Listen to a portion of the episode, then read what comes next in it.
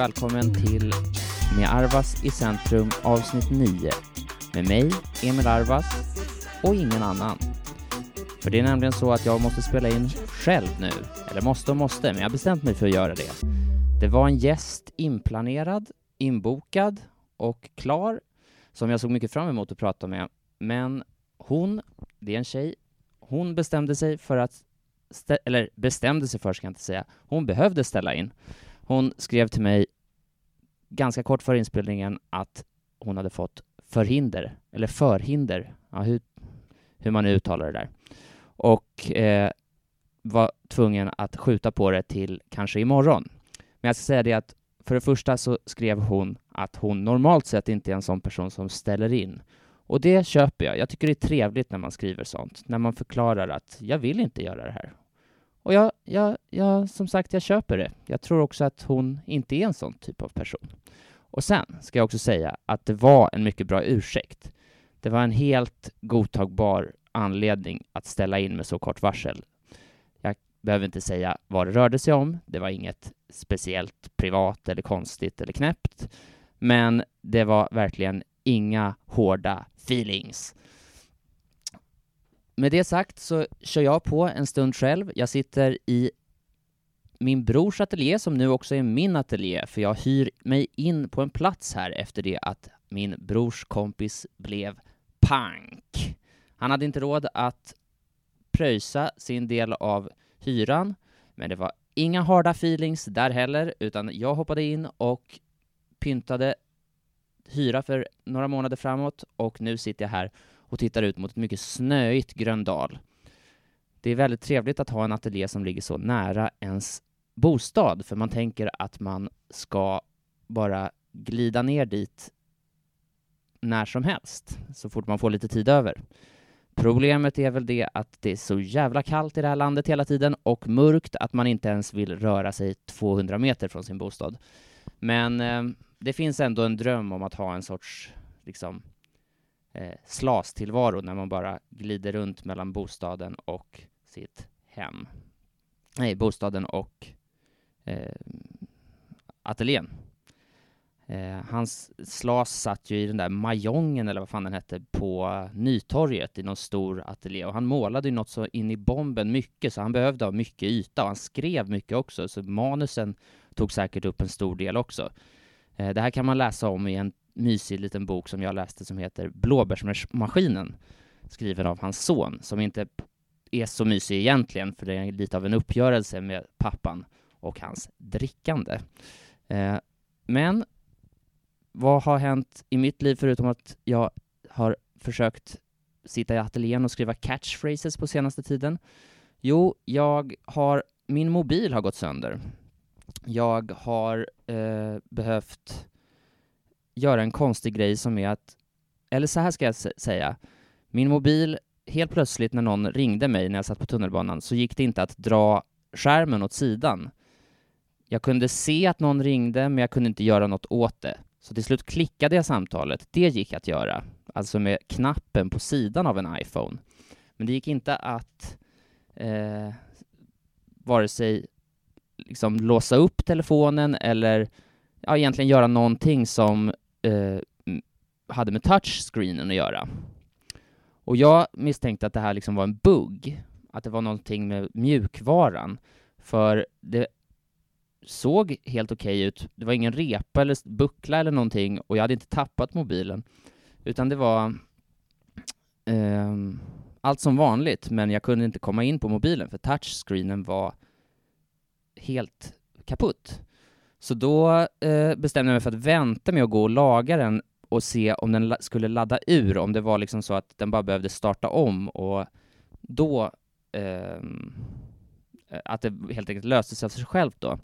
Eh, men det gick inte att stänga av mobilen, för att då trycker man in den här knappen till höger väldigt länge och sen därefter så drar man, precis som när man svarar ett samtal, eh, så drar man eh, åt sidan. Eller jag vet inte om man gör så längre, men jag tror när mobilen är upplåst så svarar man genom att dra åt sidan, eller så var det på en äldre iPhone-modell. I vilket fall som helst, för att stänga av en iPhone så måste man dra en stänga av-knapp över skärmen åt höger. Och det kunde inte jag göra då, på grund av den här trasiga touchscreenen. Så jag fick helt enkelt vänta till att mobilen skulle ladda ur. Och mobilen kanske var på 79 procent eller något sånt där. jag har inte procent angivet tror jag på skärmen, men det var någonting sånt. När jag eh, liksom, när den pajade så var den någonstans där, inte helt fulladdad, men nästan. Och det tog kanske fem dagar för eh, mobilen att ladda ur. Jag tror det här hände på onsdagen och det var först på lördag kväll eller något sånt där som eh, den laddade ur. Och då sa alla till mig så här, men gud vilket bra batteri iPhone ändå har då, då. eller i alla fall din mobil. Och då sa jag ja, det kan, så kan man se det. Men det kan också vara så att det är förfärligt få som hör av sig till mig, som ringer eller smsar. För man såg ju fortfarande varje gång man fick ett sms eller ett samtal kom in vad som hände på mobilen. Skärmen lystes upp, man såg vad som hände, men det gick inte att göra något åt det. Jag stod bara och tittade på mobilen och såg det inkommande samtalet, men kunde inte svara. Eh, och det här hade jag tänkt då att när, det här kommer göra att batteriet tar slut, inkommande sms och sånt där, men det var så få som hörde av sig. Alltså, jag tänkte det att jag skulle liksom vara väldigt frustrerad av att se alla människor som försökte nå mig, få kontakt med mig med sms och sånt där. Men det var inte en enda gång jag kände att oj, nu måste jag verkligen ha tag i en telefon. Jag får gå till bartendern och be att låna deras telefon, eller jag måste fråga den här kvinnan på tunnelbanan om jag fort som tusan får låna hennes mobil. Det var i stort sett inga sms eller telefonsamtal som kom in. Till slut tog jag en annan mobil och hörde av sig till någon och sa hallå? För jag behöver kontakt. Alla människor behöver kontakt med andra människor. Särskilt jag. Eller inte. Jag trivs rätt bra ensam också, ska jag helt ärligt säga. Och det kommer ett avsnitt av den här podden snart som handlar om ensamhet. Eller inte så mycket ensamhet som att vara på egen hand när man gör saker. Att hitta på saker själv, att eh, göra saker, göra egna grejer. Det ser jag fram emot att spela in. Men nu är det alltså jag här. Eh, och för att bjuda lyssnarna på någonting mer än bara det här tomma svamlet om trasiga mobiler och liknande.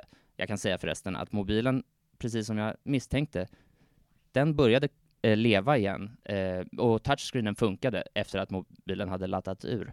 Så jävlar vad jag gick in på Instagram då och där var det ju återigen nedslående att man ser hur otroligt lite det är man missar på Instagram när man bara är borta därifrån ett par dagar. Shit internet eller vad det hette, alltså det är mer och mer avskrädes på internet och mindre och mindre roligt människo eh, liksom skapat innehåll. Men skit i det. Jo, för att få lite content till den här poddens nionde avsnitt då, som görs solo, så tänkte jag att jag ska eh, läsa upp ett manus eh, från en gammal bok som jag skrev, som är opublicerad.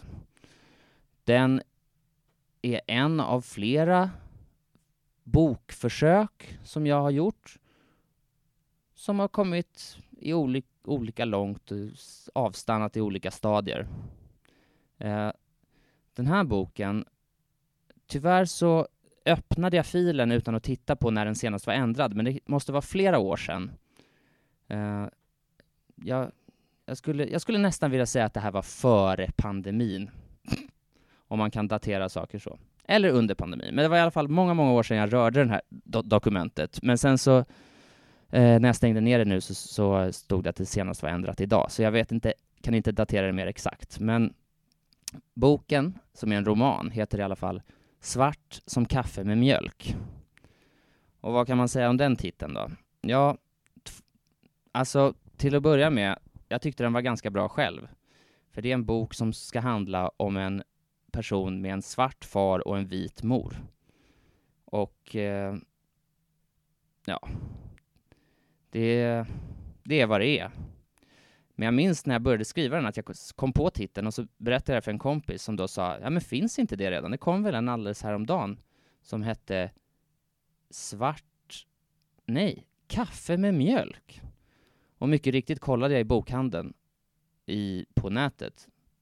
Det fanns en bok som hette Kaffe med mjölk. Så då kan man ju datera när den här boken skrevs, för jag skrev den under en ganska kort period, hyfsat intensivt.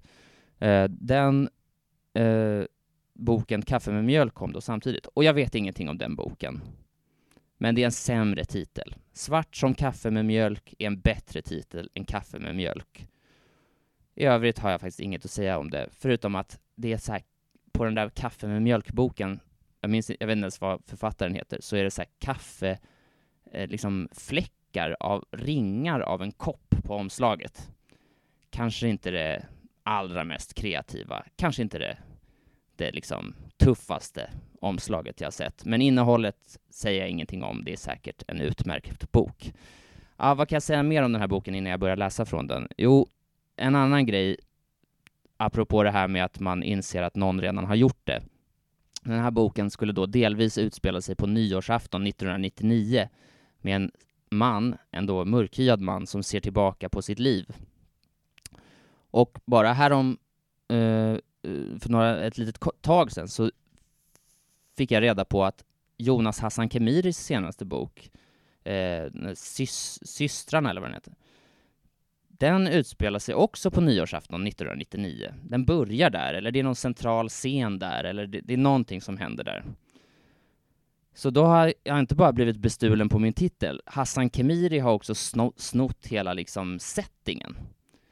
Och ja, det är jobbigt när, man, när sånt där händer. I det här fallet kan jag helt och hållet säga att det inte är jag som har snott det, utan det är om det är någonting så är det de här andra författarna som har snott från mig, men det verkar också konstigt. Men det händer ju titt som tätt med skämt, att man ser komiker dra ett skämt som någon annan har dragit på ett annat ställe, och då har man väl i olika grad undermedvetet eh, liksom tänkt att det var bra och sen gjort det till sin egen tanke och utvecklat det till skämt. Eller så har man faktiskt kommit på det helt på egen hand, men det är alltid lite vanskligt när man börjar påstå det, att man aldrig har hört det, för sånt där går inte att kolla, va? I vilket fall som helst. Hassan Khemiri har alltså stulit från mig. Och för att eh, ge igen lite så ska jag säga några elaka grejer om honom. Inte för att han har gjort det om mig, men han har alltså snott. Och då eh, kan jag bara säga att jag har bara läst en bok av honom och den heter Pappaklausulen. Och den eh, kom väl för kanske fem år sedan eller något sånt där. Och den eh, handlar till att börja med om en pappa som är föräldraledig och som bestämmer sig för att pröva stand-up. Han är gnällig och missnöjd med tillvaron och föräldraledigheten plågar honom. Och så, så tänker han, ah, men jag ska göra något radikalt. Jag ska ställa mig på en stand-up-scen och börja eh, skämta. Och jag kände mig, som det heter på ren rikssvenska, intrigued. Alltså, det påminner ganska mycket om undertecknads liv.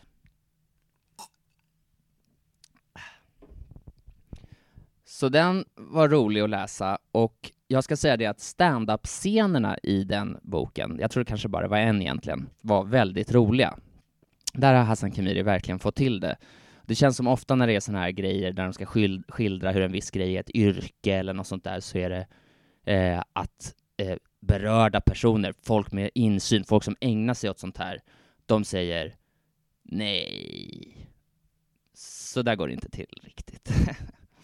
Nej men de säger så att så här, ja det är, det är ganska långt ifrån verkligheten skulle jag nog påstå. Nej, men det, det, det, är en kul skildring men det, det, det är inte riktigt så där det går till va.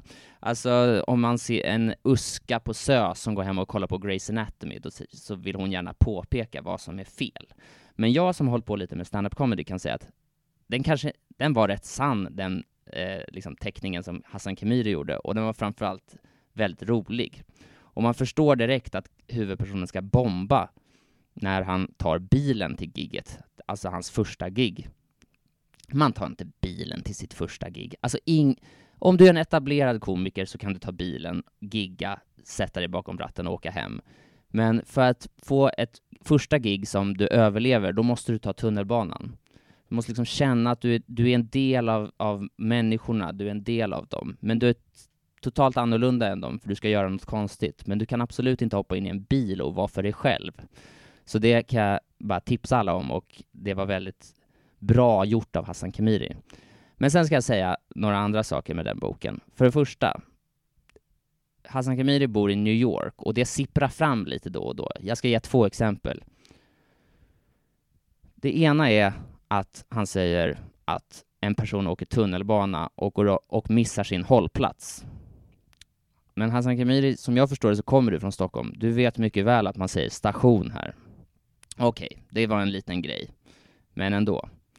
För det andra så är det en scen när en pappa, en eh, invandrarpappa som är en farfar, eh, också ska gå på en släktmiddag och sitter och, jag vet inte, han bävar lite. Han, han känns inte speciellt sugen, så han sätter sig på en krog, en förortskrog i närheten, för att värma lite. Och ni vet att när man börjar värma inför sina släktmiddagar, då är det något som inte står helt rätt till. Och då eh, sitter han där och hinkar lite bira och så säger han vid något tillfälle att han passar på att beställa två öl innan happy houren slutar klockan 20.30. Och här, Hassan Khemiri, måste jag bara gå in och förklara lite. Du som bor i New York. För det första, det är väldigt få krogar i förorten som har happy hour överhuvudtaget. Det är en innerstadsgrej. Det finns liksom inget skäl riktigt att ha happy hour, eller det finns det väl kanske, men happy hour liksom på förortskrogar är inte riktigt en grej. Där pressar de ner priserna så gott de går, så gott det går, och det är inte särskilt många som jobbar ute i förorten, så det, det finns liksom ingen, ingen sån där rutin att gå direkt från jobbet ner till puben. Men visst, det finns säkert en del pubbar i förorten som har happy hour, men vanligtvis skulle jag säga att det, att det inte är så.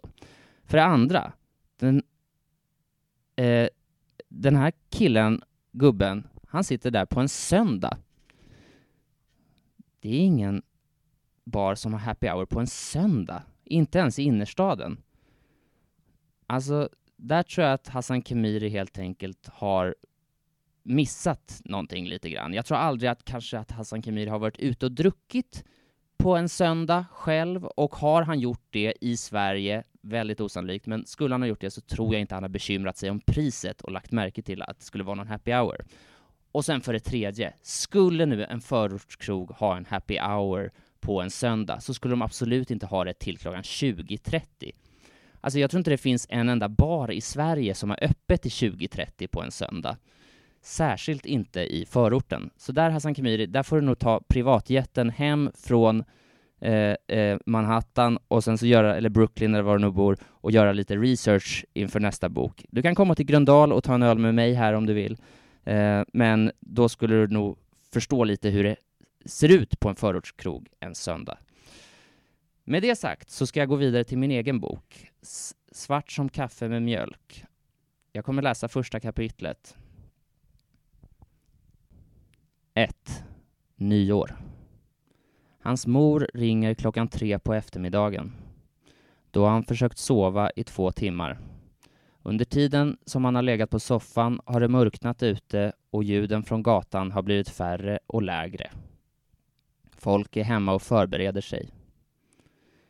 Jag har bokat en taxi som kommer att hämta mig 18.30, säger hans mor. Det låter bra. Då borde jag inte vara hos dig senare än kvart i sju.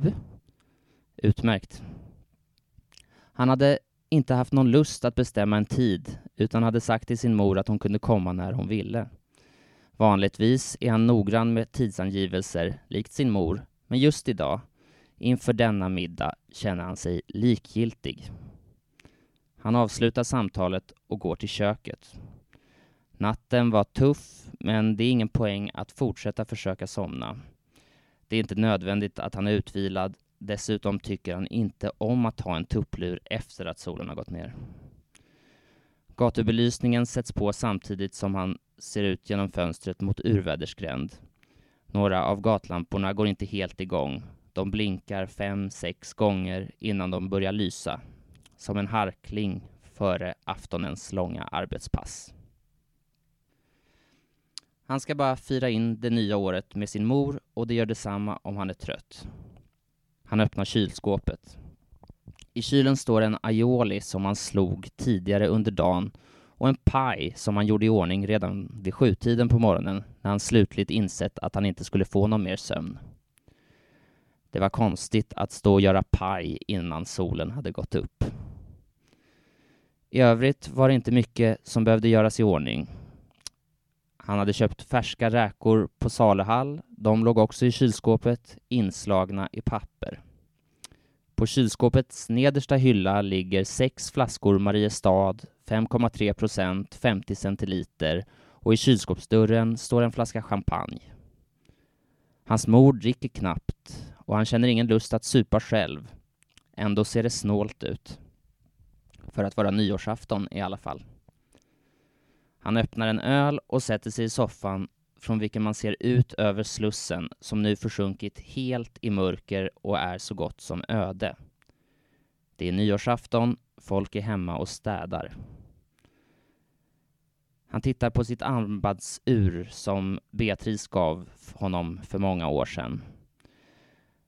Det är snart tio timmar sedan han satte nävarna i pajdegen och tryckte ut den i den runda ugnsformen som han antar att Beatrice också hade köpt. Han kunde inte minnas var den kom ifrån. Ännu 10-15 år efter skilsmässan kunde han hålla i en pryl, en elvisp, en burk skokräm och fråga sig Köpte jag den här? Eller kommer den från Beatrice?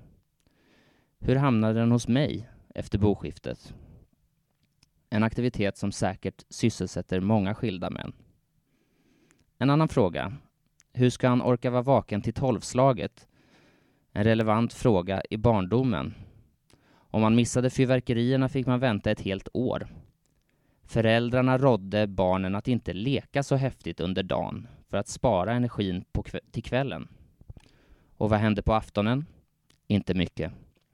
Nyår var de vuxnas högtid. Som barn satt man vid bordet och gäspade över en flaska sockerdricka med sugrör.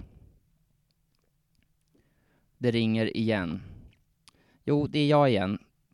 Till efterrätt hade jag tänkt mandelmusslor. Ja, man, man är väl lite trött på det efter jul, men jag bakar så många att jag fortfarande har några kvar. Det blir jättebra. Jag tänkte att man kan äta hjortron istället för hallon och blåbär som vi åt på jul. Det låter flott. Det var det jag tänkte. Men då tror jag att enklast blir att jag värmer hjortronen hos dig. Ja. Och vispa grädden hos dig. Absolut. Telefonen står på ett bord i hallen och på väggen ovanför hänger en spegel, förmodligen från Beatrice släkt. Han tittar rakt in i spegeln. Den mörka huden ser spänstig ut, på gränsen till senig, och även om han har gått ner i vikt och sovit dåligt ser han faktiskt kry ut. Trots att han är sjuk och trots att sjukdomen sitter i munnen, eller mer specifikt i gommen. Det verkar inte ha spridit sig till resten av ansiktet. På telefonbordet i hallen ligger kallelserna till sjukhuset. På telefon igår hade doktorn sagt att han skulle få ännu fler kallelser eftersom de senaste resultaten fordrade fler tester. Han tycker brevhögen ser ansenlig ut som det är. Ännu fler tester. Han slår sig ner i soffan och försöker tänka bort allt som heter sjukhus, screening och strålkanoner. Istället försöker han tänka på sin barndoms nyårsaftnar, som inte sällan tilldrog sig just på detta vis. Mor och son, hemma. Det var ofta så det var. Han och hans mor. Som mörkhyat efterkrigsbarn fanns det bara en rimlig förklaring och den gällde också i hans fall. Fadern hade varit med i ett negerkapell som turnerade runt i Skandinavien efter kriget. Det var alltid osäkert vilket mottagande de skulle få. Så länge de stod på scen var allt frid och fröjd. I regel blev det en eller två eller rent av tre encore.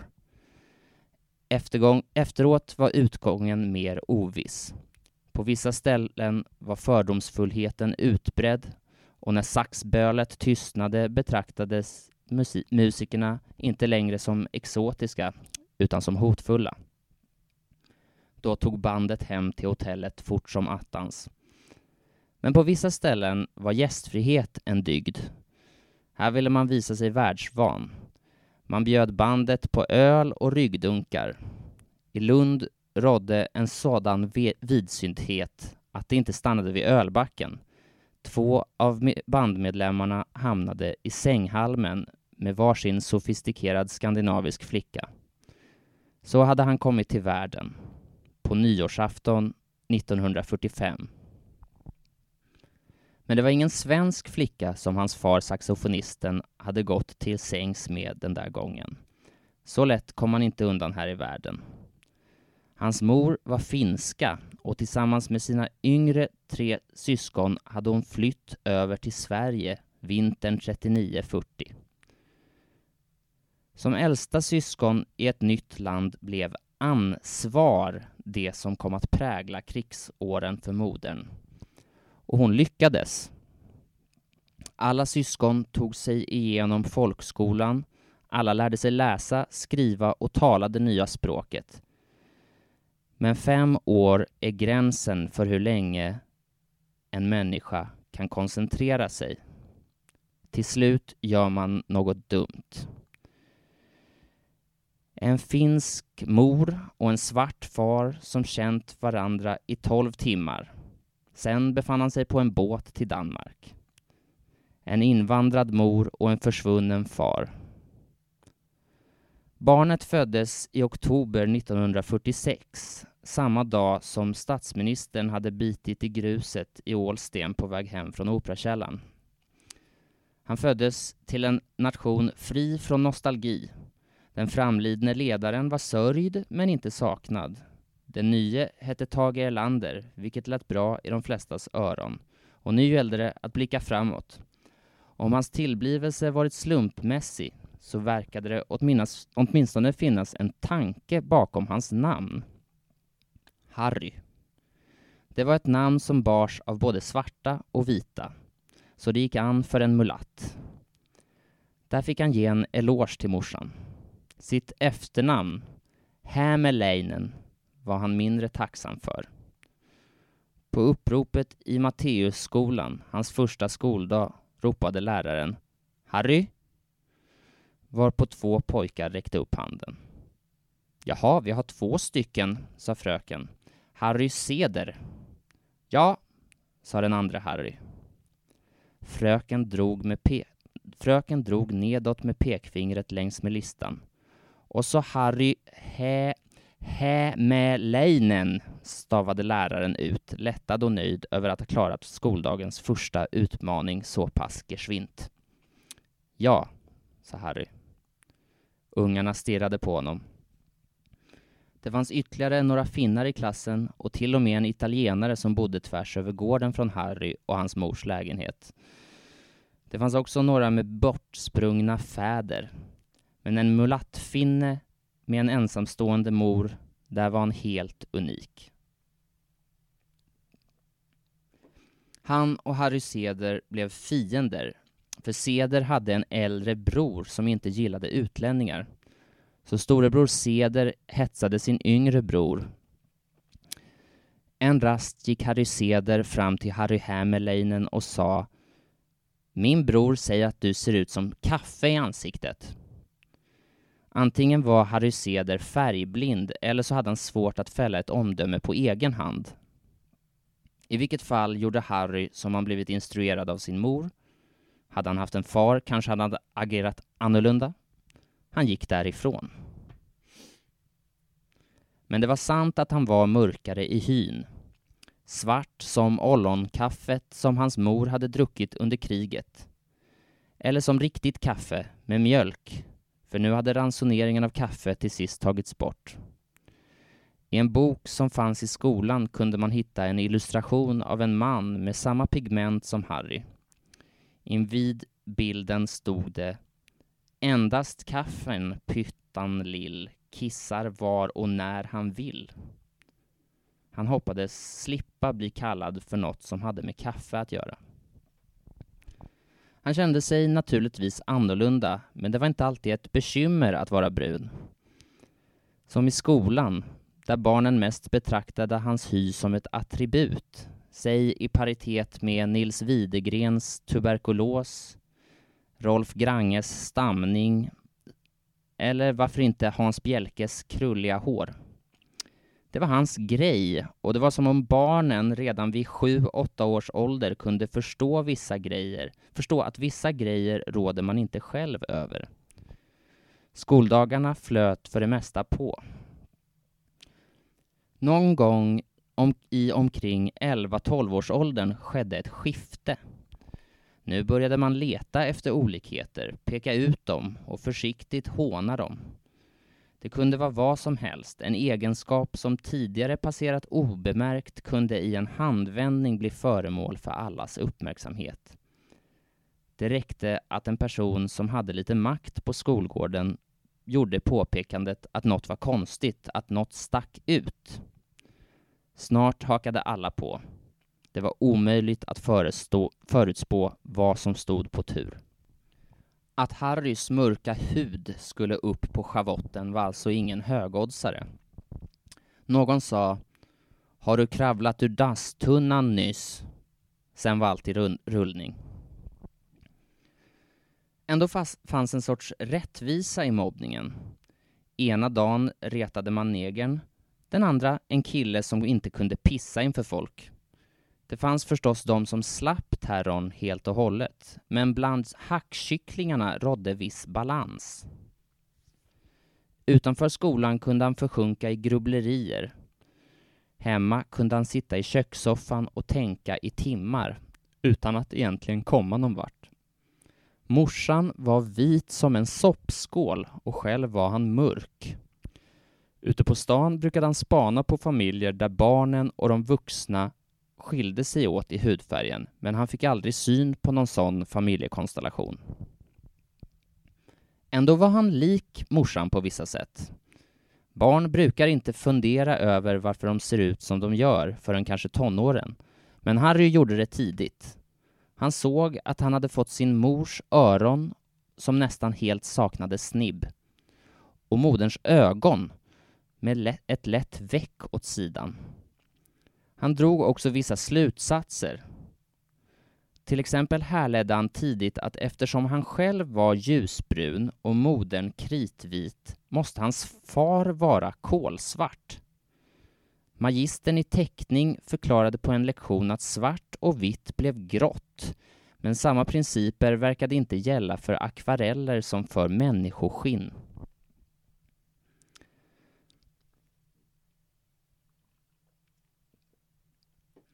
Sverige var helt modernt. Det mesta från den gamla tiden hade rensats ut. Men allt försvann inte lika dramatiskt. En del saker fasades ut, som agan. I hemmet förekom ingen aga, först och främst eftersom Harry och hans mor var för snälla. Harry betedde sig aldrig illa och hans mor var oförmögen att slå sin unge. Men dessutom var de ensamma Tuktens egentliga syfte, det avskräckande, uteblev eftersom det inte fanns några syskon hemma. Men i skolan hände det. När Harry började skolan var barnaga tillåtet och emellanåt praktiserat. När han tog studenten hade man i stort sett övergett det. Harry såg dock aldrig någon aga under sina år i samskolan. Hans lärare sa redan första dagen om ni är snälla och uppför er kommer jag låta bli att klå er. Att inte fostra med hot och löften skulle senare bli en pedagogisk grundsats. Eller kanske hade det alltid varit det. Men för Harrys lärare fungerade det. Antagligen för att det var ett så rakt erbjudande. Eleverna höll sig på mattan någorlunda och magistern lät bli att ge smisk. Även, gymna även gymnastiksalen bar spår av det gamla. Nya plastmattor och moderna ribbstolar samsades med benhårda sandhögar som man skulle hoppa i och uråldriga plintar som man skulle hoppa över. Alla byggarbetsplatser skulle nu ha ombud som såg efter säkerheten, men i skolorna lät man fortfarande killarna klättra upp för ett rep så långt de iddes. De bästa gymnasterna kunde klättra ända upp i taket. Mer komplicerat än så var det inte.